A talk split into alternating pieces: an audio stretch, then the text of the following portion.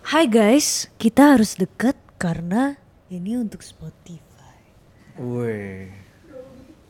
Jadi kayak turunan dikit tapi kayak Ya, halo kembali lagi bersama saya Cheryl Shinavia Mas Danang Eh, di Rusia masa ASMR-nya gitu deh. Bulu-bulu terus diginin kerak kerak. kerak. Enak banget tuh didengar Emang ya? iya ya? Aku baru pertama kali denger sih kemarin. buat aku Terus apa mic-nya diplastikin terus dikasih foam terus di serak serak serak dicukur mic-nya anjir. Aneh banget ya. Serius, aku baru Hah? Apaan sih ini? Cool Akan ku cari Oke. Oke, Kecukuran gitu. ini udah nih Oke Halo Seril. Hai Mas Danang Halo eh, Lintas Makna Mania Mantap dan juga CXO Mania Mantap.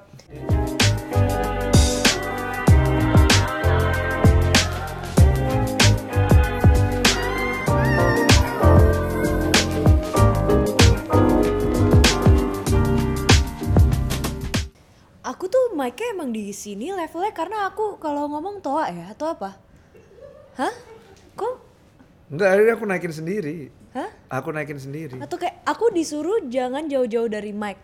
Tapi mic-nya ditaruh di sini jadi oh iya. Wow. Sambil workout. Bagus. Bagus. Terlihat fit. Ya? Terlihat fit. Cool. Keren. Oke, jadi gini ya. Hai guys, what's up? Hari what's up, ini what's down? aku akan berbicara Sambil push up. Karena Sheryl sebentar lagi akan ngeluarin jingle olahraga. Untuk produk olahraga. Kemarin kan udah produk yogurt. Masa kesehatan perut doang? Kesehatan semuanya fisik. ya. Iya. iya, tulang belikat. Tulang belikat. Sheryl nanti akan kerjasama sama Decathlon. Ya. Dia. Dan di Decathlon kami akan membahas suatu topik dan melihatnya melalui lintas generasi dan lintas perspektif dari kami berdua seperti biasa. Betul. Bagus.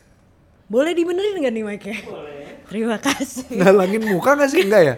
Gini ya. Ah, nah. oke. Iya nggak sih? Nah, Oke. seperti biasa kita akan membaca salah satu komentar teman lintas makna pada episode 48 tentang self love. Let's go. Wiu. Ini dari Desi Rahma. Self love adalah berdiskusi dengan diri sendiri. Apa yang aku mau? Apakah aku ingin istirahat sejenak? Apakah aku bahagia sejauh ini? Dan di mana aku mengerti dan mengenali diriku sendiri bukan karena orang lain. Oke. Oke. Ini dia bilang kalau aku cara self love terbaik kalau aku cara self love terbaik adalah ketika naik motor sendiri dan di jalan ngobrol dengan diri sendiri tentang apa pun yang telah aku alami seharian ini. Lalu kepalaku berubah menjadi tengkorak dan mengeluarkan api. Waduh. ber- Ghost Rider ya, sorry. sorry, sorry. Siapa namanya? Ghost? Rider. Nicolas Cage. Nicolas Cage. Oke. Dan kata terima oh nggak mungkin dia kayak gitu. Eh kayaknya Desi Rahma ini dia berjilbab. Iya. Tapi kan boleh buka terus berapi. Dan kata terima kasih di akhir obrolanku adalah penyejuk untuk diriku sendiri. Dan membuatku betapa bersyukurnya aku punya diriku sendiri dan motorku. oh iya dong kan lagi naik motor. Kalau lagi naik kuda berarti dan kudaku. dan kudaku. Iya. Nah, menurut Desi Rahma di komentarnya tadi, self love itu ketika kita bisa mengenali diri kita sendiri. Lalu bagaimana kita bisa bahagia dan apa yang benar-benar kita inginkan. Tapi, apakah lo nyatanya sudah benar-benar mengenali diri lo sendiri? Share. Wow. Eh. Comment and subscribe. Oh bukan deh. Pertanyaannya itu benar sih. Apakah Cheryl sudah benar-benar mengenali dirinya sendiri? Share, Share comment, and and subscribe. subscribe. Aku baru kepikiran sekarang ya? Iya, udah, udah berapa Padahal episode. Udah berapa episode. Ketawanya terus banget sampai nangis. Um, yeah, I I I feel like uh, I don't. Wow, abis ya I don't. Oke oke oke. Ini menarik nih. Kayaknya kayaknya kalau mengenali diri sendiri itu nggak bisa aku seorang diri sih. Hmm. Karena terlalu ih self-centered banget kayaknya kalau misalkan aku tuh bener-bener introspeksi diri Mhm. terus aku telan mentah-mentah gitu bah- dan melabelkan diri aku sendiri I think it's too tricky I think everybody is complex in their own way dan Nah. aku ngerasa aku pun juga sebagai seorang diri aku sangat kompleks juga Iya. jadi aku aku sih se- sebenarnya suka mendengarkan opini orang lain tentang aku. Kalau Mas Danang sendiri gimana? Eh, udah kenal sama diri sendiri belum kebetulan? Diri sendiri tuh eh, cukup ini ya, cukup fluid gitu. Ak- Aku, percaya banget. Ini ini kepercayaanku ya. Ini percayaan gue ya. Orang tuh berubah tiap detik. Hmm. Jadi eh, tapi ada satu ada satu inti yang yang yang yang jati gitu, yang sejati gitu yang nggak yang nggak berubah. Nah, kadang-kadang untuk masuk ke situ selain butuh diri sendiri juga butuh bantuan orang lain kadang-kadang. Kalau menurutku ya. Hmm. Kecuali kalau kamu udah ada di di tingkat tertentu ada masanya kamu ya sudah kamu ya kamu gitu ngeliat ke Iya. dalam karena banyak banget di sekitarku tuh yang yang eh, paham gitu sama dirinya sendiri gitu. Iya, sangat mengenal dirinya sendiri ya. Sangat mengenal dirinya sendiri jadi eh, eksternal tuh pengaruhnya nggak terlalu gede Oke. gitu. Dia paham banget sama tapi nggak nggak melibatkan eh, ego ya. Jadi nggak nggak memaksakan sesuatu di dalam dirinya gitu. Nah, yang kayak gitu tuh justru keren sih menurutku sih. Iya, iya. Bisa bisa paham sama diri sendiri. Oke, berarti berarti you're still in the process of getting to know Masih. self. Heeh. Ya. Semoga nanti pas pas uh, akhir hayat gitu ya, pas lagi kayak oh iya gue kayak gitu gitu. Jadi lega gitu. Hmm. Leaving a legacy within Iya, yourself and also to other people. betul. Nah, talking Pengen about gitu. self tadi dari komen yang eh, dari Desi ngomongin soal self love dan juga kita juga ngomongin tentang getting to know ourselves. Ya. Ini inline banget sama topik kita hari ini di mana kita akan ngebahas soal mengenal diri sendiri. Wiu. Woo! Kalau Mas Danang sendiri nih, Susah susah susah susah. orang yang seperti apa yang mengenal diri mereka sendiri? Um, menurutku, Hmm. menurutku adalah orang yang yang semuanya itu netral buat dia gitu. Netral? Iya, jadi orang mau melakukan apa kayak misalnya nih Cheryl menyakiti hatiku gitu dengan ngomong gitu ya. Dengan ngomong, bet gitu. Buat dia, oh ya Cheryl lagi pengen ngomong gitu. Hmm. Kayak maksudnya bisa bisa membuat sorry kalau misalkan aku bisa ngomong kayak gitu berarti aku bisa membuat statement dong. Jadi kalau misalkan bikin statement bukannya itu sangat subjektif buat dirinya sendiri. Nah, masalahnya subjektivitasnya terbangun dari apa dulu dasarnya? Hmm. Itu dulu sih kalau aku ya. Kalau aku ngeliat orang yang bisa nerima dirinya sendiri tuh dia bakal bisa nerima orang lain. Hmm. Jadi jadi saat orang orang lain bisa nerima dirinya, aku karena aku ngelihat sendiri sih pakai mata kepala aku sih. Ya udah dia mau mau dijahatin kayak apa gitu dia tetap ngasih I see. gitu. Jadi kayak nggak nggak dia udah bener-bener kontan sama dirinya sendiri ah, gitu. cukup ya ngerasa cukup. Ngerasa cukup udah gitu ya udah gue begini gitu. Hmm. Gue begini tuh bukan gue apa adanya seperti yang sekarang lagi marak ya. I see. tapi dia benar-benar eh, menjalankan tugasnya dia sebagai si sosok itu gitu. Hmm. Contohnya dia seorang pembuat roti gitu ya udah dia akan buat roti terus karena dia mengerjakan itu pakai cinta dan ngasih makan orang gitu. Hmm.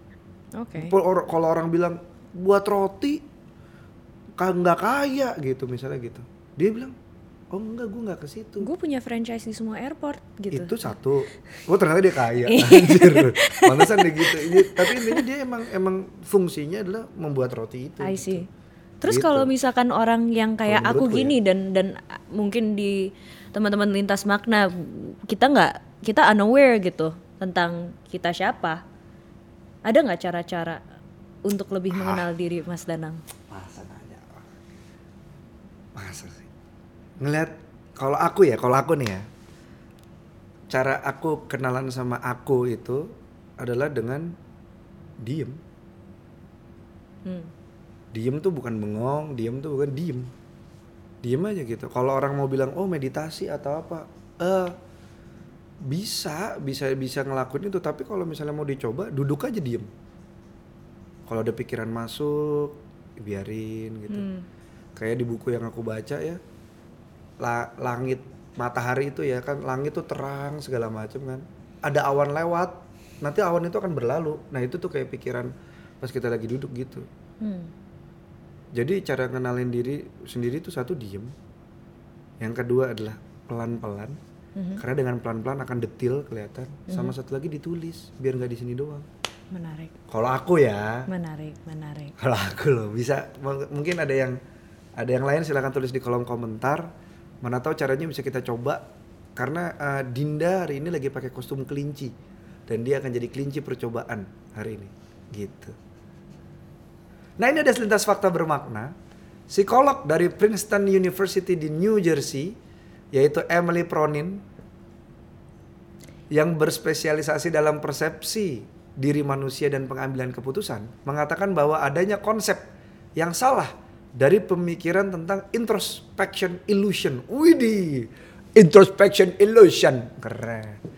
Cara kita memandang diri sendiri terdistorsi dan tidak menyadarinya. Akibatnya, image yang eh, kita bangun tidak sesuai dengan yang kita lakukan. Misalnya, kita mungkin benar-benar yakin bahwa kita berempati, tapi ketika melihat seorang kesulitan di jalan, belum tentu kita membantu gitu. Tapi kadang nih, beberapa orang sering kasih input tentang bagaimana kepribadian dan sikap kita. Nah, menurut Sheila sendiri, Sheila tuh termasuk orang yang eh, gampang nerima dan percaya nggak sama pendapat orang itu gitu. Hmm. Aku gampang percaya. Oke. Tapi untuk percaya sesuatu yang orang ucapkan tentang kita, itu belum tentu kita bisa terima kan. Ya. Ada banyak prosesnya gitu. Salah satunya yang sering terjadi, mungkin di masa teens aku gitu ya, sebelum aku menginjak eh 20s aku ini gitu. Hmm, aku sering in denial, Oke. aku di misalnya dikasih saran untuk lebih untuk lebih bisa menata kalimat aku Iya. untuk bisa lebih membedakan emosi dan eh, pemikiran yang lebih em, apa ya sorry Eh, aku aku general. Ya. Objektif, Oke, mungkin ya. dari sini kayak I I like to be very subjective with my way of thinking, but people think that I need to be more objective. Padahal there's a lot of layers to that. Aku menggunakan ego aku dan aku menggunakan terlalu banyak perasaan aku. Tapi kembali lagi, kadang opini-opini yang orang terapkan untuk memperbaiki diri aku ya mungkin memang buat kelancaran komunikasi antara aku sama mereka juga gitu. Dan aku sadar akhirnya aku tuh orangnya salah satu yang aku selalu ingetin diri aku ya aku aku adalah komunikator yang buruk Oke. untuk orang-orang terdekat aku Hmm. karena aku itu sangat lancang nggak ke filter kalau ngomong Ya. dan em, kalau aku sayang sama orang ya terutama aku akan kasih hard truthnya Ya. ke mereka because I love them because I want them to be better. But sometimes it's hard for me to accept what others have to say karena aku ngerasa kayak you don't know who I am. Hmm. and I feel like that was a complex yang aku alamin di uh, teens aku sebelum aku menginjak kepala dua gitu kan. And then like now I'm just starting to understand to be more open minded Hmm. Lebih nerima ya. lebih bisa nerima gitu. Dan ya itu kayak apa tadi Mas Darang bilang kan antara mengenal diri dan eh menerima, Menerima. dan Menerima diri aku bilang. iya menerima accepting and the other thing is like Accept, iya accepting doang aku ngomong. Masa Oh. sih aku ngomong yang lain? ya Apa sih? Pak Ari? menerima sama tadi hmm? Ma oh ya memahami Oh, oke. Iya gitu. Kayak kalau misalkan eh aku aku memahami tuh iya paham kenapa orang bisa ngomong kayak gitu. Tapi kalau misalkan eh eh sorry. Ya kalau misalkan orang ngomong seperti itu aku bisa accept. Tapi kalau misalkan eh, aku bener-bener rasain tuh kayak belum tentu. Wah, menarik ya. Dan sama diri sendiri aja udah seru banget ya. Iya. I guess so. Kalau misalnya kalau misalnya teman-teman lintas makna lebih sering untuk ngobrol sama diri sendiri gitu terus apa mengolah pendapat orang gitu. Kayaknya nggak sempet deh ngehakimin orang lain gitu ya. Hmm. Karena ternyata kita juga nggak bagus-bagus amat gitu bagus tapi nggak bagus-bagus amat sampai harus bilang orang lain jelek gitu Hmm. Tapi Nah, iya. Eh kenapa mas? nggak apa-apa. Terus? Yeah, I think I think the the most complicated situation is that kita sangat mudah untuk mengutarakan ke orang lain gitu untuk kenali diri sendiri, pahami diri sendiri atau cintai diri sendiri terlebih dahulu. Tapi pas dikembalikan lagi ke kita itu suatu hal yang sebenarnya sangat sulit untuk diterapkan. Kalau misalnya kita lagi dapat banyak distraksi gitu lagi dari sekitar kita. Dan menurut aku naratif itu yang sebenarnya kita harus latih, bukannya harus jejelin ke diri kita untuk kayak jadiin prinsip atau values kita. hmm. Ini sangat sesuai sama selintas kata bermakna Ya. yang sebenarnya em, reminder yang sangat baik gitu buat buat kita baca hari ini gitu. Ya. Sebelum memahami yang lain, kenali dirimu, pahami dirimu dan cintai dirimu terlebih dahulu. sebelum cintai dirimu cintai ususmu tiap hari Waduh, tahu nggak iklan itu enggak. Yakul Oh, nice. Yakul kayak tos Waduh, Wip enak. sorry Iya. Nah, ngomongin soal eh ya maksudnya that, that's a thing. It's really hard for us to to apply to our own lives sebenarnya gitu quote itu. Tapi it's a good reminder for us and also the people around us gitu. Maybe they need it that day. Iya, aku setuju sih. Mungkin ini sih. eh akhir-akhir ini tuh aku aku tuh lagi aku pribadi ya Sherry lagi lagi banyak banget ngelihat ke belakang gitu. Hmm. Kayak kayak aku tuh mengizinkan ken, aku mengibaratkannya gini. Ini perasaanku itu kayak air dan ditampung sama kendi gitu. Nah aku pecahin kendinya tak gitu, jadi bubar semua. Hmm. perasaannya keluar semua dan aku bisa eh, justru dengan i- ada yang hancur itu tempat yang hancur itu aku jadi bisa milah gitu. Oh ternyata gue kalau kena omongan ini rasanya jadi kayak gini. Oh kalau gue tuh ternyata ke siapa terlalu kasar? Oh gue ter- ke siapa terlalu baik? Oh ke siapa? Jadi justru apa ya? Mungkin ada sesuatu yang keras yang ngebendung ngebendung apa ya namanya ya? Ngebendung jalan kamu ketemu sama kamu gitu. Dan itu kadang-kadang harus dihancurin sih. Hmm. ya itu salah satunya adalah eh, misalnya ego nggak mau kelihatan jelek nggak mau kelihatan eh, maunya kelihatan bagus terus gitu. Padahal kan sesuatu yang jelek itu kan bagus. Hmm. sesuatu yang bagus juga jelek gitu. Jadi kayak jadi kayak eh, bendungan itu tuh yang yang ngebendung pertemuan kamu dengan dirimu ini yang yang kadang-kadang harus di dihancurin gitu. Dengan cara ya rela aja gitu. Nggak aku nggak ngomong ikhlas ya. Ya. rela aja gitu bahwa ya udah gitu saya ada jeleknya saya ada bagusnya gitu kayak gitu sih. Kalau aku akhir-akhir ini lagi kayak gitu. Jadi kalau orang rumah tuh bisa tuh ngeliat aku switch. Dari happy tiba-tiba gloomy. Ya. tiba-tiba jadi basic gitu gloomy lagi gitu. Terus happy lagi kayak gitu. Karena aku membiarkan keluar semua. Aku I mau see. berusaha jujur aja gitu. Kalau aku menanggapi itu kayak that's what I've been feeling for the past year sebenarnya. Hmm. tentang tentang perasaan, tentang Hmm. sikap gitu, sikapnya aku sendiri ya dan perasaanku sendiri gitu. Aku coba untuk mencernanya semua sendiri. Tapi ini juga mengenal diri adalah proses yang sangat baru untuk aku oke karena ternyata yang membuat aku sangat frustrasi tentang diriku sendiri adalah eh, bagaimana cara menyatukan siapa aku dengan siapa yang aku tunjukin ke eh, orang-orang sekitar aku. Ya dan paling dekat gitu kan di mana aku harus merepresentasikan diri aku sendiri adalah dalam karir aku. Oke. Gitu. Aku punya banyak muka. Ada yang mengenal aku sebagai host lintas makna ada Iya. yang mengenal aku sebagai musisi ada Iya. yang mengenal aku sebagai aktris. Hmm. dan itu yang membuat aku sebenarnya sangat gue siapa ya? Hmm. gue itu yang mana ya? Gitu. Dan akhirnya ini mungkin salah satu hal yang aku akhirnya bisa aplikasikan dalam mengenal diri aku sendiri aku akhirnya meng-hire seseorang untuk membuat brand book Oh, menarik. Ini maksudnya udah masuk lagi ke sangat teknis, Teknis, gitu loh. ya, ya. Cuman it was the most easiest way to figure out who I am these days and I'm learning to dive into that process gitu. Misalnya sekarang aku memiliki konten. Oke. Sekarang yang lagi diisi adalah konteksnya apa? Ya. Kita kalau misalkan content, kita merasa cukup, Hmm. kita akhirnya merasa cukup, kita tahu apa yang kita mau deliver.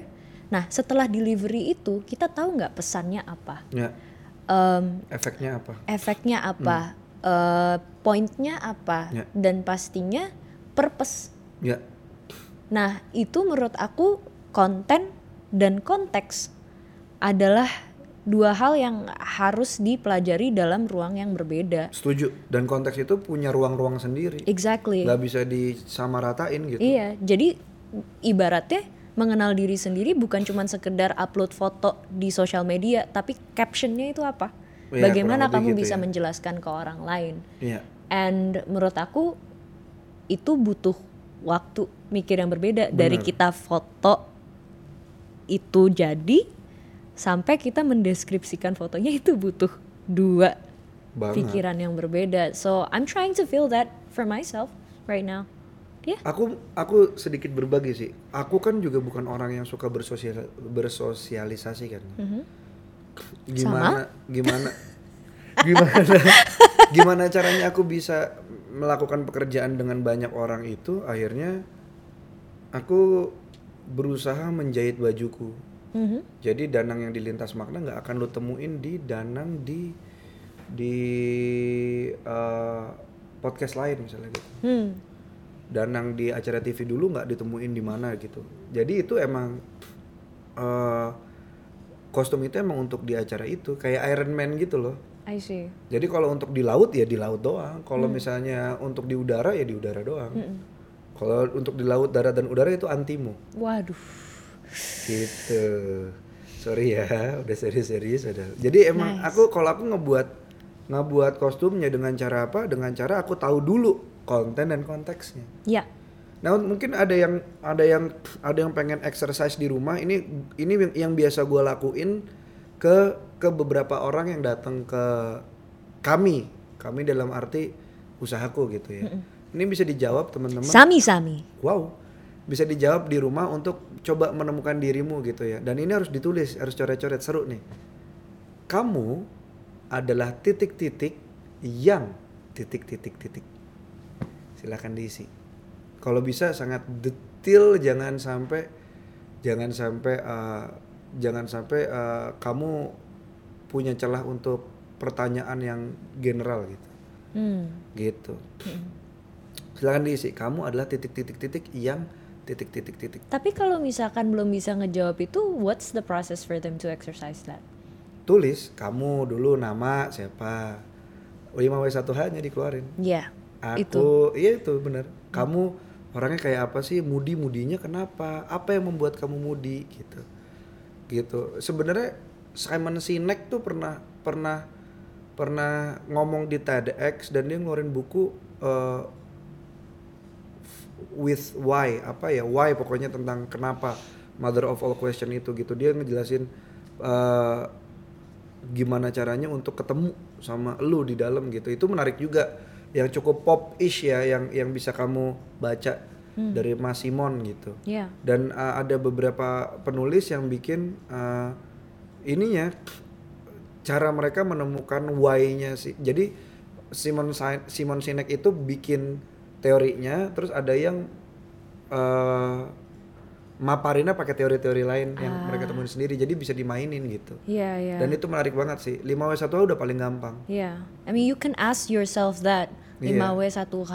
Uh-uh. Tapi juga you can ask someone else about it. Iya, And it would bring you more input. iya benar. Ya, dan ngomongin soal pendapat orang lain tentang bagaimana diri kita, Iya. ada selintas fakta bermakna. Terdapat sebuah eh di selintas fakta bermakna terdapat sebuah teori yang mengajari kita untuk memahami diri sendiri, tidak hanya dari perspektif kita, namun juga perspektif orang lain, yaitu teori dari Bapak Johari Kaca. Bapak Johari komputer dong. Waduh, Wuts, ada S ya. Oke, ya itu teori Johari Windows. Kenapa gue baca Pakai S? S-nya. Kenapa ada S-nya?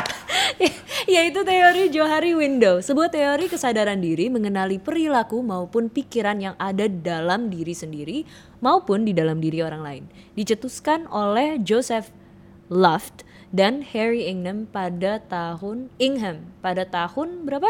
1955. 55.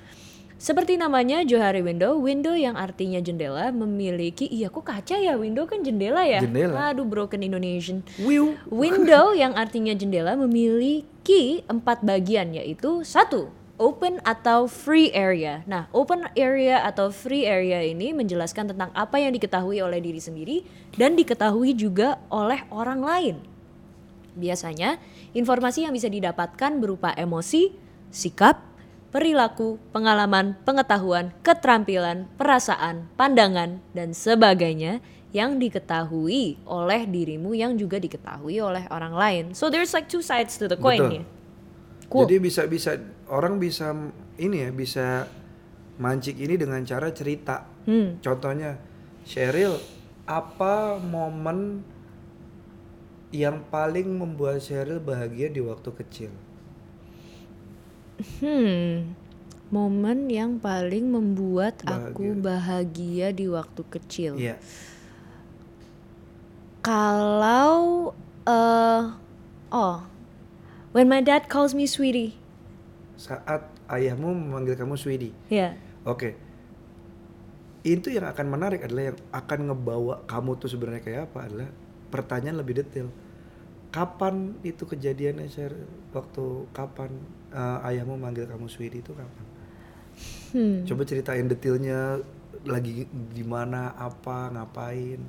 Kayaknya kalau misalkan aku dia minta bantuan aku terus aku kasih ke dia and then he's like, "Oh, thank you, sweetie."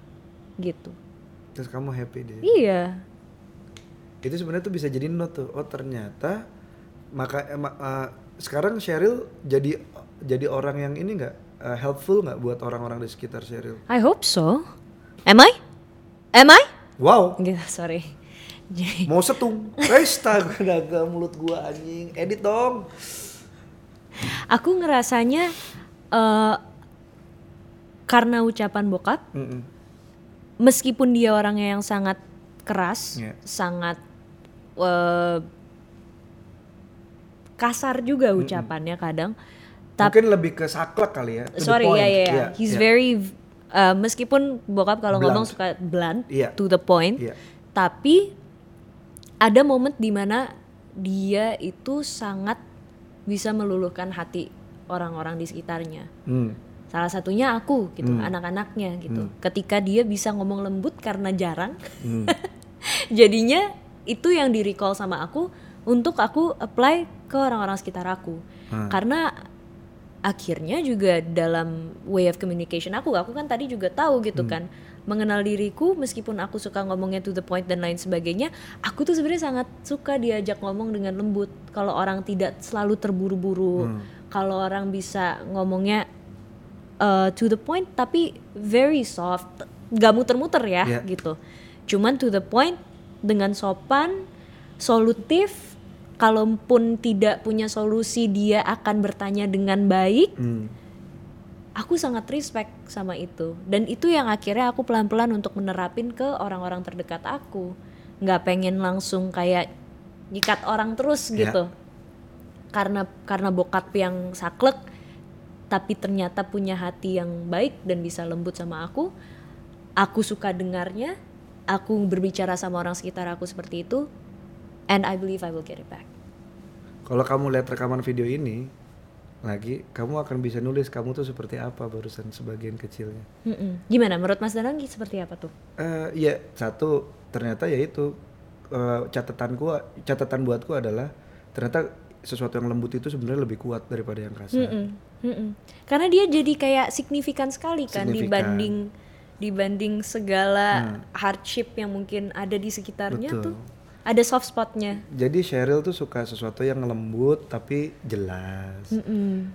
Cheryl tuh anak bapak Hmm. gitu tuh jadi jadi ke- kebaca tuh kalau saya lihat lagi tuh jadi bisa dicatat sebenarnya itu pertanyaannya adalah dengan dengan cerita-cerita yang membangkitkan memori kenapa karena ini almarhum temen gue pernah ngomong gini guna eh, kalau lu punya masalah di masa sekarang Mm-mm. solusinya itu eh, jawabannya itu ada di zaman sekarang ada di masa sekarang atau di masa lalu Betul, kecuali lu bisa lihat masa depan betul. karena kenapa? Karena masa lalu eh, yang ngebentuk kita sampai sampai hari ini Hari gitu. ini. Nah jadi tuh kalau misalnya Sheryl lagi, kok gue kayak gini ya? Mm-mm.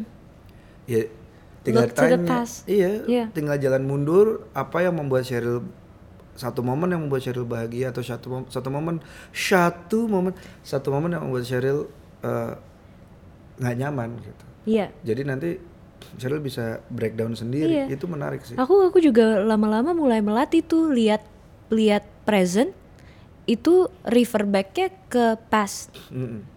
Jadi past, presentnya sekarang, and then the present is what writes the future because Iya. it's gonna be the future's past.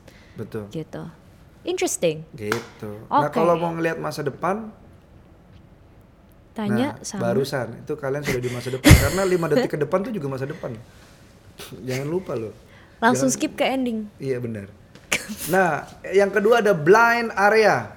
Pada blind area, informasi tentang diri kita biasanya diketahui oleh orang lain dan tidak kita sadari. Orang lain biasanya menafsirkan hal yang berbeda. Ah, ini nih multi tafsir ini yang kadang-kadang suka bikin bingung gitu ya. Ingat ya, orang lain biasanya menafsirkan hal yang berbeda tentang kita daripada apa yang kita harapkan.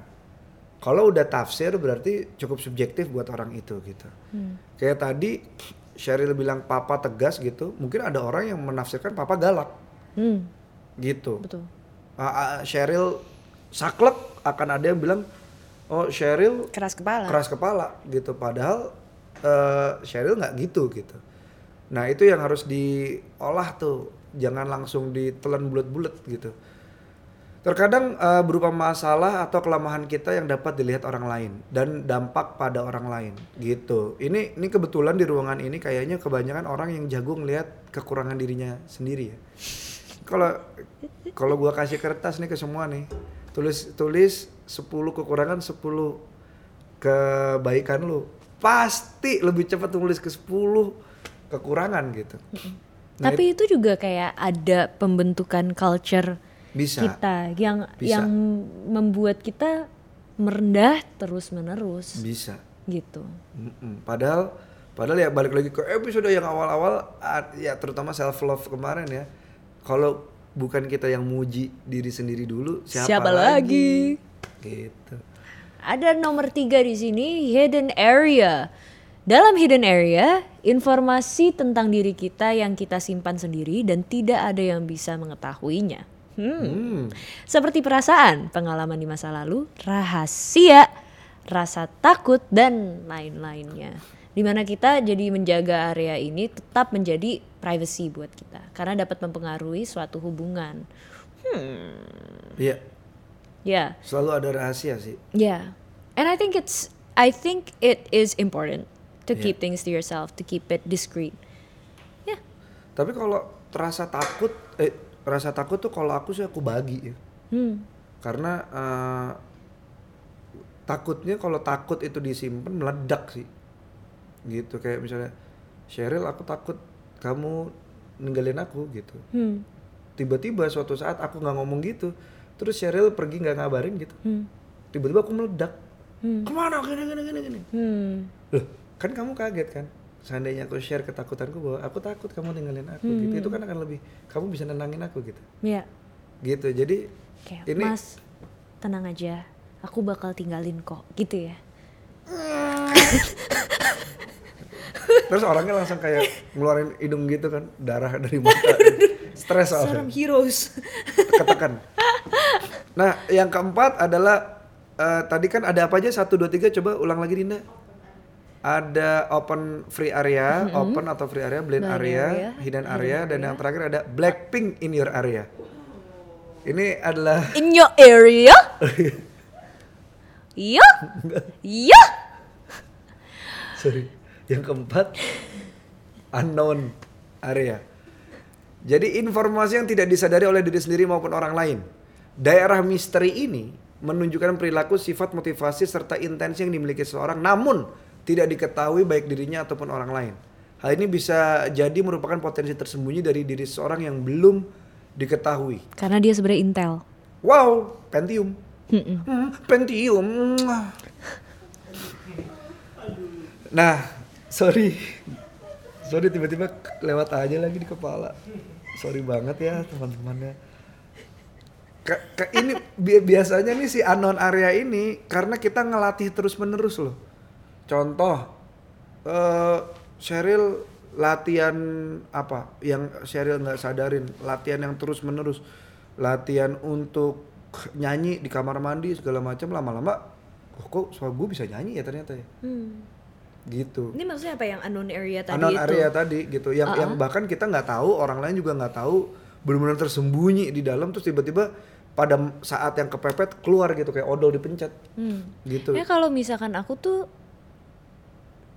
mendengar orang lain, Hmm. ternyata aku nggak perlu ngomong terus. Hmm. Dan Mas Danang salah satu yang mengingatkan aku itu. Ada satu momen kan kita lagi lagi kerja bareng ya, like we had a session together, Hmm. and uh, kita ngomongin soal humor. Aku tidak memahami suatu bentuk humor yang diucapkan sama Mas Danang, Hmm. dan aku nggak tahu gimana cara nge-fake itu di muka aku gitu. Dan akhirnya aku coba untuk berbalas tapi mental terus mental terus nggak kena terus gitu punchline-nya apa gitu. Dan ternyata ada teknisnya sendiri dalam dalam uh, berkomunikasi especially with public speaking. Di mana kita harus melihat momen. Dan itu ternyata bukan hanya butuh pengetahuan tapi juga butuh intuisi. Iya. dan aku tidak menggunakan itu gitu. Jadi dalam dalam berkomunikasi aku baru sadar bahwa oh ternyata aku punya kesabaran untuk setidaknya nafas dulu. Nah, dan kalau misalnya memang belum kena di momen itu tunggu dulu. Dia pelurunya sampai kan udah habis senjatanya pelurunya udah nggak ada lagi oke that's where I come in to laugh that's where I come in untuk bereaksi karena ada aksi reaksi betul. Keren. you keren Antv, wow keren. Menurut Cheryl, tapi kenapa sih mengenal diri sendiri eh kita tuh seperti butuh bantuan orang lain gitu? Eh, kita seperti butuh bantuan Iya. orang lain Aku bilang seperti kita butuh ya, karena kadang karena kadang-kadang eh, terlalu banyak ngedengerin orang lain juga betul gawat sih. betul betul it's gitu. gonna be a boomerang juga bagi kita malah kayak jadi codependent gitu Iya. kalau terus-terusan butuh orang lain tapi em, kita mungkin apa ya kalau misalkan kita cuman eh, cuman dengerin diri sendiri meskipun kita sudah punya banyak pengalaman gitu untuk menjadikan bank data di kepala kita eh, untuk menjalani hari dan menjalani kita sebagai seorang diri eh, belum tentu data itu kita inget semuanya secara detail Oke. jadi kadang butuh orang lain karena pengen tahu gitu loh perasaannya, eh, proses pemikirannya gitu dan itu mungkin akan membuka perspektif yang baru. Eh, nggak usah jauh-jauh lah gitu kayak kita aja kalau misalkan ngobrol di lintas makna kan itu udah Iya. lintas eh, perspektif dan lintas generasi Iya. gitu. Jadi ada timeline yang kita berdua jalani dan timeline itu berbeda dan kita berusaha untuk ketemu breaking break evennya di mana gitu. Yeah. What's that? What's that point where we can relate to one another? And I think that's what communication is for. Um, it helps us understand better, not only about us, tapi juga about the other person, how they view us. Gitu. Karena kalau lihat KBBI kan komunikasi itu kalau nggak salah ya mengutarakan dan menerima pesan. Kadang-kadang orang cuma mengutarain doang nggak mau nerima, gitu kan. Bener sih.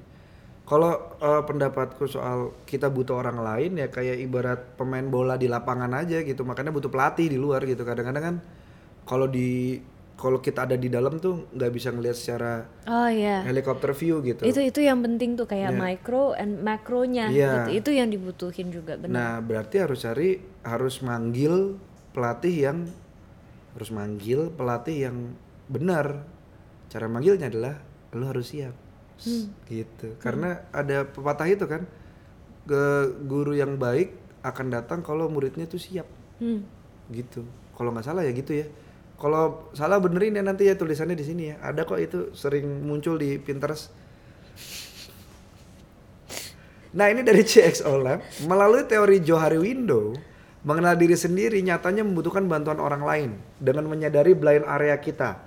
Hal-hal yang tadinya kita tidak sadari atau ragukan, bisa jadi kita kelola dan perhatikan. Karena pada titik blind area itu, kita nyatanya lebih mudah dipahami oleh orang lain. Walaupun tidak semua pendapat orang lain harus kita percayai sepenuhnya. Dan selintas kata bermakna, coba saya telah dulu. Oh ini Odin. Seperti halnya dalam sebuah pertarungan. Nah ini agak-agak wibu-wibu gini kalimatnya. Jadi fighter fighter Odin, Ah, Odin ya maksudnya. God. Seperti halnya dalam sebuah pertarungan, kelemahan diri nyatanya hanya bisa dilihat lebih jelas oleh orang lain. Nah, apakah setuju atau tidak? Silahkan tulis di kolom komentar.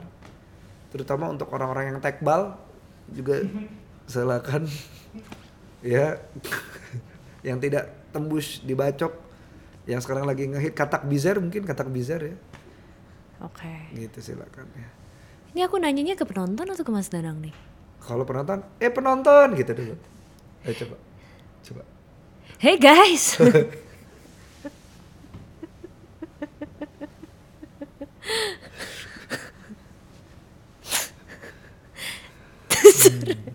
eh penonton. Bagus. Gila suaranya lendong habis. Anu. Endu. Aduh, aku Aduh kebanyakan main seneng TikTok banget nih, lagi guys. denger. Aduh seneng banget ah itu. Mas, Ya. menurut Mas Danang nih, dalam hal apa yang Mas Danang bisa menerima kritik, saran dan pujian dari orang lain mengenai Oh. diri Mas Danang? Ya iyalah. Iya, benar. Ketika lo ya. Kalau- Redundant nih kalimatnya, Kak Dinta. Tinta nih mana? Tinta tombak juga nih. Gimana Mas Da- Danang? Dalam hal apa Mas Danang bisa menerima kritik, saran dan pujian dari orang lain? Sekarang apa pun termasuk eh, sikap pribadiku contohnya pemarah dan lain-lain. Aku tuh nggak pernah bisa lihat sih si Mas Danang kayak gitu. Gimana ya guys? Tolong tulis di komen kom- eh, kolom komentar bagaimana cara membuat Mas Danang marah sama aku. Gak bisa lah. Please, Jangan dong. please pengen banget. Jangan, gak ada gunanya. Jadi eh Kira-kira muka aku bakal kebalik di belakang. jadi Wastafel aja pecah nih Astaga, cuplikannya. Wastafel lagi dibahas. Wastafel lagi dibahas. Astagfirullahaladzim. Aku nggak akan lupa itu mas. Kayaknya buat beberapa tahun ke depan ucapan aku tuh di instastory buat Mas Danang. Itu mecahin wastafel. Aduh. Asli. Aduh ya Allah. Oke, gimana Mas Danang? Da- dalam hal apa apa pun sih sekarang sih. Karena terutama ini kalau kritik dari orang-orang aku memilih. Hmm. Tapi aku ambil kan beda ya. Lama kelamaan nih teman-teman eh, lintas makna. Lama-lama kita tuh bisa bisa bedain kok mana kritik mana celaan. Hmm. biasanya kalau orang ngeritik gitu kayak Cheryl misalnya eh aku jangan terlalu jorok misalnya gitu mas jangan jorok dong gitu oh iya itu kritik karena aku memang jorok gitu Mm-mm. gitu bukan bukan di- bu- bukan ngatain gitu ada ada ada ada intensinya tuh makin lama makin kerasa kok jadi sekarang jujur aku bisa menerima kritik saran tapi pujian masih agak susah sih dari orang lain gitu Hmm. Hmm. kalau kamu gimana Perut aku baru bunyi, sorry ya kalau kedengeran di audio. Kok lapar ya? Dinda. Bakar kuda. Lapar, Bakar kuda. lapar pujian aku. Wow. Makanya, ayo uh, hapus dahaga dan kelaparan serial untuk pujian dengan nonton video klip Want Your Love. di situ Cheryl bagus banget. Iya, Aduh, di situ aja aku udah desperate tuh. I want your love. I want your love. banget. Tapi Cheryl di situ bagus. Terima kasih. Kalau aku, aku ditanya gak sih? Iya dong. Ya udah aku mau jawab aja tadi deh kan kalau nggak ditanya nggak apa-apa. Oh, oke. Tadi aku nanya, Iya. dalam hal apa aja Cheryl bisa menerima kritik, saran dan pujian dari orang lain. Em, menurut aku,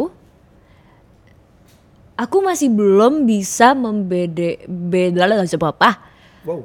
Aku merasa bahwa saran dan pujian itu adalah bentuk kritik Hmm.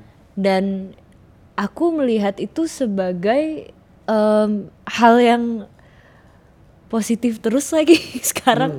Jadi maksudnya kalau orang punya saran, itu kan berarti mereka meluangkan waktu untuk berpendapat ya. Ya, Waktu itu kan mahal. Jadi aku balik, ngerasa kalau misalnya mereka kasih aku saran, itu bentuk pujian juga buat aku. Karena mereka sempat memberi waktunya untuk aku. Dan ketika aku dapat pujian, itu pun menggunakan waktu mereka dan ak- dan pastinya kayak uh, thought process mereka untuk menentukan sesuatu yang bagus itu seperti apa. Jadi I think in everything too. Dan mungkin yang paling paling kena di aku sih mungkin bukan yang yang paling tidak kena di aku itu pujian seperti cantik apa? atau Kahitna kan gitu, cantik. Apa? Sorry. cantik Terus, terus. gitu ya. Sorry, sorry, sorry. Pujian seperti cantik. Iya. Maksudnya? Kayak dari appearance aku doang gitu, dari penampilan aku. Tapi kamu Bukan bukan gak terima, tapi aku ngerasa orang yang cuman komentarnya Oh. seperti itu sangat dangkal. hmm, Dan aku memiliki depth yang lebih dari itu. hmm, Aku lebih menghargai sebenarnya kalau misalkan ada yang bilang bahwa eh aku em, banyak sekali improve secara personality aku. Aku lebih Hmm. terbuka atau aku memiliki skill apa kek gitu. hmm. Masak, bilang dong gue bisa masak biar bisa gue aminin. Oh jadi ini belum nih baru rencana nih. Iya. Nah kalau kalian mau ngeliat Cheryl masak-masak, yuk nonton Jejak Rasa Sasa. Kenapa mereka belum built in di kita? Bener. Ayo Jadi- build in dong Sasa. Ah. ya itu, aku ngerasa kalau misalkan aku dipuji buat musik aku, Hmm. itu itu suatu em, masukan yang eh sorry itu suatu kebanggaan buat aku gitu tapi ya aku takerin juga gitu karena ada bentuk pujiannya yang kayak yuk balik lagi ke gitar Hmm. Sebenarnya saran kan yang kayak Iya. ke mana gitar lo kayaknya lo lebih bagus main gitar oh iya ya udah deh nanti bikin versi akustiknya jadi kepikiran kan Iya. kali ya nggak tahu Jadi jadi balik lagi si kritik saran dan pujian ini sangat-sangat subjektif ya, Iya. terutama kritik gitu. hmm, Kadang-kadang kayak eh, kayak tadi misalnya contohnya yang gitar tadi. ya Sebenarnya itu kan bentuk keresahan dia sama image eh, aku yang baru Image Cheryl yang ada di kepalanya justru. betul betul betul betul Bukan image Cheryl yang image baru. yang dia tahu Image yang dia tahu gitu. Dia nggak kebiasa sama itu Iya. gitu. Menurut aku sih yang paling baik untuk bisa akhirnya menerima atau membedakan atau menyatukan bahkan saran dan pujian adalah untuk merubah narasinya. Nah. Daripada tanya eh, tanya kok lebih baik yang kayak penasaran deh kenapa sih gitu. Jadi bisa punya insight yang baru gitu. Mungkin kalau orang kasih aku masukan kayak gitu, aku jadi bisa nanya diri aku sendiri kayak, oh iya kenapa ya gue kayak gitu? Ya sekedar oh pengen eh, bukan bilang aku bosen sama gitar aku, Iya. tapi aku pengen coba sesuatu yang baru. Iya, itu menarik sih. Atau mungkin dengan sesuatu yang lembut juga bisa disampaikan kan. Kri- Kritik tuh kan nggak harus keras ya. Betul. Kayak misalnya eh, dia ka- dia pengen lihat Cheryl main gitar ya bisa. Kak ini keren, tapi aku jadi kangen lihat Cheryl main gitar lagi. Itu kan akan ngebuat oh ya udah sabar ya kangennya ditungguin. Gitu. Weh, Wih ngapain? kayaknya mereka bersenggama ya. Hai. jam minum teman-teman Nggak mau. Oke, sorry sorry. wah kami sempat mikir bareng-bareng kalau soal masih soal blind area ini Hmm. kan blind area itu seputar kritik saran dan eh, pujian ya Iya. kebanyakan orang-orang ketika dikomentari personal hal personalnya baik itu terkait sikap pemikiran dan segala macamnya itu kebanyakan mereka langsung kayak defensif defensif gitu nah menurut kami nggak tahu gimana pendapat teman-teman ini Hmm. rasanya untuk mengenal blind, blind area ini kita butuh bukan hanya mengenal tapi penerimaan diri Hmm. agar tidak semua eh, hal yang datang dari luar Hmm. dianggap sebagai sebuah Serangan. intensi yang negatif. Hmm. Iya. Menurut teman-teman gimana? Iya Setuju. banget. Kalau aku tadi kan kayak bilangnya ubah narasi kita. Mungkin pertanyaannya kali ya di ini menarik nih kok ngomongin Simon Sinek terus ya di find your way-nya find, find your find your why-nya Simon Sinek itu jangan tanya kenapa tanya apa. Bukan kayak misalnya kenapa Cheryl nggak main gitar lagi? Itu kan kamu akan langsung ada perasaan lah emang kenapa gue mau ma-" kalau aku tanya apa yang ngebuat Cheryl nggak main gitar sih di video klip yang ini? Kan kamu bisa terangin lebih enak. Hmm. daripada aku tanya kenapa Cheryl nggak main gitar? Oh ya itu yang bener sih. Kalau dari aku tadi kan kayak tanya kenapanya. iya. Nah, kamu tapi- lebih nyaman apa kan? Apa yang membuat kamu? Karena Iya. itu sesuatu yang nggak nggak di dalam gitu. Tapi it- dengan kayak gitu kita bisa ngambil juga ke dalamnya gitu. Gitu ja- ja- jangan tanya kenapa sih. Karena ya kita tahu di sini kita mau cari kenapanya gitu. Tapi jangan langsung tanya kenapa. Karena itu akan jadi sangat personal sih. Atau mungkin mencari hal-hal yang di dalam diri kita yang membuat kita yakin juga untuk afirmasi diri. Bisa. Dan setuju. itu menurut aku butuh dilatih nggak bisa instan. hmm. jadi memang misalnya aku melihat kenapa sih aku aku tidak main gitar? Ya bukan berarti aku merasa aku tidak bisa lagi atau aku merasa Ah, aku kok tidak jelek ya gue ya? Jelek ya iya gue nggak main bukan gitar ya. bukan seperti itu hmm. gitu cuman aku melihat ya udah. Toh aku nggak berhenti latihan. Iya. toh aku juga masih suka gitu. Cuman memang punya keyakinan yang baru di mana aku bisa menyingkirkan itu sejenak. Dimasukin ke unknown area tadi sebenarnya gitu. Karena karena Ya. emang emang nggak semua hal yang kita lakuin orang harus tahu sih. Itu dia. Kalau sekarang kan kayaknya harus kayak aku tuh ini ini sebenarnya sangat sangat eh, I hope this isn't off topic gitu. Cuman ada satu momen Mhm. kemarin yang em, bentar aku tadi coba inget-inget Mas Ari apa tadi ceritanya? Iya orang Kalau- tuh orang tuh kadang-kadang suka defensif begitu kita berusaha untuk oh masuk. iya oke. Heeh. iya aku mengkritik aku tuh lagi lagi di dalam posisi di mana aku tidak punya circle mana pun. Hmm. aku tidak punya circle of friends yang eh, ambisi banget. Aku juga tidak punya circle of friends yang males-malesan. Ya. jadi kayak sangat aku dan tim aku dan orang-orang yang aku sayang dan mereka ya sepotek-sepotek aja dari circle yang berbeda-beda. Dan aku iseng gitu beberapa hari yang lalu masuk ke dalam satu perkumpulan yang aku tahu mereka adalah ini mereka tahu mereka siapa mereka em, mereka tahu harus ngelakuin apa dalam hidup mereka. Pokoknya mereka ya perkumpulan ambisius itu. Hmm. dan aku tahu aku lagi nggak di sana pemikirannya. Aku cuman lagi pengen ketawa-tawa aja Hmm. lagi pengen senang-senang aja. Dan hal pertama yang ditanya sama aku adalah kayak Cheryl lagi sibuk apa? Cheryl lagi sibuk apa? Cheryl lagi eh, lagi mau keluarin karya baru apa dan lain sebagainya. Dan aku sebenarnya sudah aku udah punya kayak beberapa plan buat beberapa tahun ke depan tapi apakah ada hubungannya sama mereka? Apakah ada ada eh, support mereka? Ya of course secara doa sukses dan lain sebagainya itu baik. Dan haruskah aku ceritakan semuanya? Apakah akan insightful buat aku? Atau aku hanya akan Bragging. sombong Iya. untuk gue sibuk kok. Dan ternyata yang itu pemikiran itu aku udah defensif dalam diri. Pas mereka tanya aku wah gue harus nih balik lagi karena ini perkumpulan yang ambisius. Mereka harus tahu nih gue sibuk. Mereka harus tahu gue ada kegiatan lagi selanjutnya.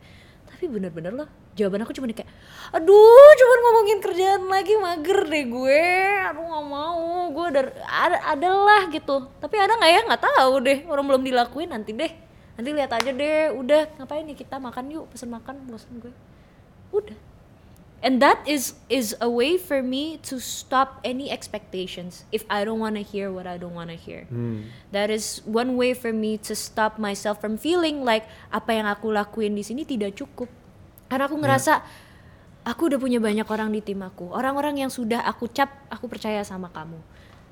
Buat apa kita harus punya external force yang menentukan kita siapa? Nyaman lah dengan dengan dan Yang percaya ada, iya. sama apa yang ada buat kamu karena kalau misalkan kamu nggak bisa melakukan itu tidak bisa membatasi diri ya ujung-ujungnya keluar itu defensif defensif yang nggak perlu yang ujungnya besoknya lo nyesel udah cerita udah ngomong Menarik. Ini ini ini berarti ini ini agak ngelebar ke menanggapi persaingan sih Pak Ari jatuhnya sih kalau menurut gua ya. hmm, peer pressure Iya, persaingan satu sama lain. Gue pribadi tuh di kondisi kayak oh iya sip lu hebat. Iya, Lu hebat. iya. Lu hebat, lu hebat, lu hebat semua gitu. Ah lucu lu nang, betul. gitu. Wah, d- eh, misalnya ada yang nganggur lu nang sekarang. Betul. Saya main Apex Legend terus. Hmm. Saya ngelukis terus, saya gambar terus gitu. Tapi saya betulin aja. Kalau karena kalau kalau tak bilang misalnya gitu ya, saya ngelukis, saya gambar. Saya dengerin musik, saya nulis. Buat buat mereka itu nganggur, tetap nganggur. Gimana dong? Masa kita mau jelasin, enggak bro, gua gua sekarang lukis, gua nulis bro. Enggak. Cupu lu nang nganggur, sip betul. Saya nganggur, makanya tuh senyum saya lebar banget nganggur. Iya maksudnya maksudnya itu sih eh, menanggapi persaingan ini cerita yang cita dan anjing waktu itu hmm. Cerita cita dan anjing. Kadang-kadang eh, lomba anjing dan cita itu sekali lagi kalau ada yang mungkin nggak nonton episodenya ada perkumpulan orang kaya di Eropa gitulah pengen ngadu cita sama anjing cepetan mana anjing-anjing yang mereka latih. Pas dilepas anjingnya pada lari citanya duduk kayak diem. Lah mau ngapain? Udah pasti cepetan gua. Terus gua harus ngebuktiin gitu nggak mau ah capek mager? Mager ah gitu. Gitu. jadi kayak kenapa nada gua Korea barusan mager ah. Ah. Sorry oh ya. cukuru Ah, kere gitu, kecil gitu. Iya itu sih. Maksudnya kenapa harus kenapa harus terus mendaki tangga? Kenapa harus terus kalau ada lift? Iya lift tuh dalam arti kita kalian mau bisa pakai dukun gitu. Itu kan lift tuh. Jalan pintas. Nah selintas fakta bermakna nih. Melansir dari beberapa sumber manfaat dari mengenal diri antara lain meningkatkan subjective well-being. Wow label apa lagi ini? Subjective well-being seiring dengan meningkatnya hubungan yang positif dengan orang lain. Selain itu, dengan lebih memahami kekurangan dan kelebihan diri sendiri, kita dapat menjadi pribadi yang lebih percaya diri, meningkatkan resiliensi, memiliki tingkat regulasi diri yang tinggi, menjadi lebih dewasa dan mampu mengatasi stres atau tekanan dalam hidup. Begitu, karena hidup ini susah, tinggal pilih aja susahmu mau yang mana. Kenapa? Jadi sakit susah, sehat juga susah. Melihara kesehatan harus olahraga, bangun pagi, tidur tepat waktu, makan yang sehat. Susah. Sakit, bebas, makan bebas, ngapain bebas, tapi bayar rumah sakit susah juga. Pilihlah susahmu karena hidup memang susah. eh, bisa aja saya. suka banget suka banget gimana menurut gue Bagus, bagus. Kalau dari aku eh, mengenali diri sendiri itu memang ada sulit-sulitnya. Tapi kembali lagi ke kita bagaimana kita bisa reframe pikiran kita. Ya. Itu penting banget. Ketika kita merasa bahwa ini sesuatu sulit, coba diubah pertanyaannya menjadi Apa? Mm-mm. Apa itu yang membuat kita sulit? Jadinya kita bisa setidaknya breakdown satu persatu dan selesain, beresin satu-satu gitu. Karena nggak harus semuanya diselesain hari ini juga. Tapi ketika kita bisa reframe diri kita, mungkin di situ kita bisa melihat dari role-role yang berbeda yang kita mainkan di dalam hidup kita gitu. Jadi misalkan aku adalah anak terbungsu, tapi aku punya kakak yang dia sebenarnya em, punya autism gitu. Ya ternyata aku adalah adik yang dikarbitkan menjadi kakak juga untuk dia. Atau aku adalah eh, teman untuk tim aku, tapi ketika membuat keputusan aku harus menjadi seorang leader. Kalau misalkan kita bisa melihat diri kita sebagai role-role yang kita eh, mainkan di dalam hidup kita itu sebenarnya banyak loh. Gitu pilih aja, nggak harus selalu menjadi orang dengan hierarki terendah dalam hidup kita. Betul. Di mana bumi dipijak, di situ langit dijunjung tuh itu sih maksudnya. Lu saat lu harus jadi apa, ya lu jadi itu gitu. Eh, kayak sekarang kan suka banyak yang bilang waktu kemarin tuh juga ada sempet tuh yang ngobrol. Ini di delete aja ya. Sempat ada yang ngobrol, eh nggak tahu deh Pak Ari, terserah. Kemarin sempat ada ngobrol soal seminar broadcaster. Kak aku introvert, gimana caranya jadi introvert? Terus aku bilang, Gimana "Gua- cara jadi extrovert? gimana caranya jadi broadcaster? Oh, Heeh. terus terus eh broadcaster semuanya. terus aku bilang aku INFP apa itu kak? Introvert depannya. Jadi ini perkara mau atau enggak? gitu. Saat kamu berusaha menemukan dirimu ini tuh perkara mau atau enggak? Mau nggak kamu melihat kamu yang jelek kamu yang kurang kamu yang bagus. Siap nggak kamu bener-bener menerima gitu? Karena kalau udah nerima ya dibendung habis itu dilepas. Hmm. gitu. Begitu sih. Kalau menurut Checks Olab konklusinya adalah sebagian orang mungkin bisa dengan mudah mendeskripsikan dirinya seperti apa. Tapi sebagian lainnya mungkin sulit menjelaskannya mengenal diri sendiri nyatanya tak hanya bisa dilakukan sendirian tapi juga bisa dengan bantuan orang lain yang bisa eh, benar-benar membantu diri kita seutuhnya gitu yang nggak ada intensi apa-apa Iya. namun bukan berarti semua yang orang lain katakan harus kita percaya seutuhnya. Dan kita telan mentah-mentah. Kecuali sushi. Bisa ditelan mentah-mentah. Terimalah terlebih dahulu segala kritik dan saran yang orang lain berikan pada kita. Kenapa? Karena gratis. Terima aja. Masa nggak suka dapat yang gratis? Terima aja dulu. Lalu bendung dan pahami bagaimana hal tersebut mampu membantu kita mengenali diri sendiri. Baru lepaskan. Karena jadi seperti apa diri kita adalah tanggung jawab kita sendiri. Karena setiap orang pasti berubah. Gitu. Dan nggak ada salahnya untuk coba untuk diem ya. Diem aja. Untuk benar-benar ngeliat ke dalam tuh kita butuh diem. Hmm. Nggak ada salahnya untuk diem. Hanya eh, menurut cerita kata bermakna coba saya telah dulu kalimatnya. Udah Pak Ari nih. Hanya kamu yang bisa menentukan sedih dan bahagia dari kamu. Karena hanya kamu yang Kenapa lu? bisa lu? mengenal dirimu seutuhnya. Kenapa lo kata kayak gitu? Kenapa mirip banget sama Mas Ari? Kan gua kopi. Hah? Oh, ini Dinda. Lihat dari Pinterest kau. Gila langsung direndahin. langsung direndahin. Oh ini Dinda. Bagus banget Dinda. Kok bagus banget Dinda. Bisa bikin gitu Dinda. Berbakat Dinda. Bagus. Nah, buat semua teman-teman dari episode hari ini, apakah kamu saat ini sudah mengenali dirimu sepenuhnya? Tulis di kolom komen. Betul, dan seberapa besar andil orang lain untuk kamu bisa memahami diri kamu? Dan tolong bantu kami untuk berkembang. Cuela.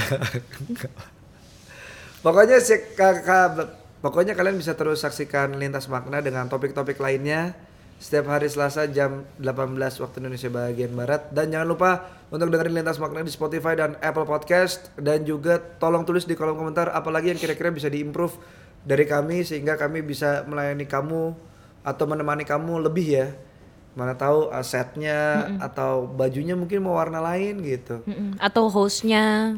hostnya susah Wih.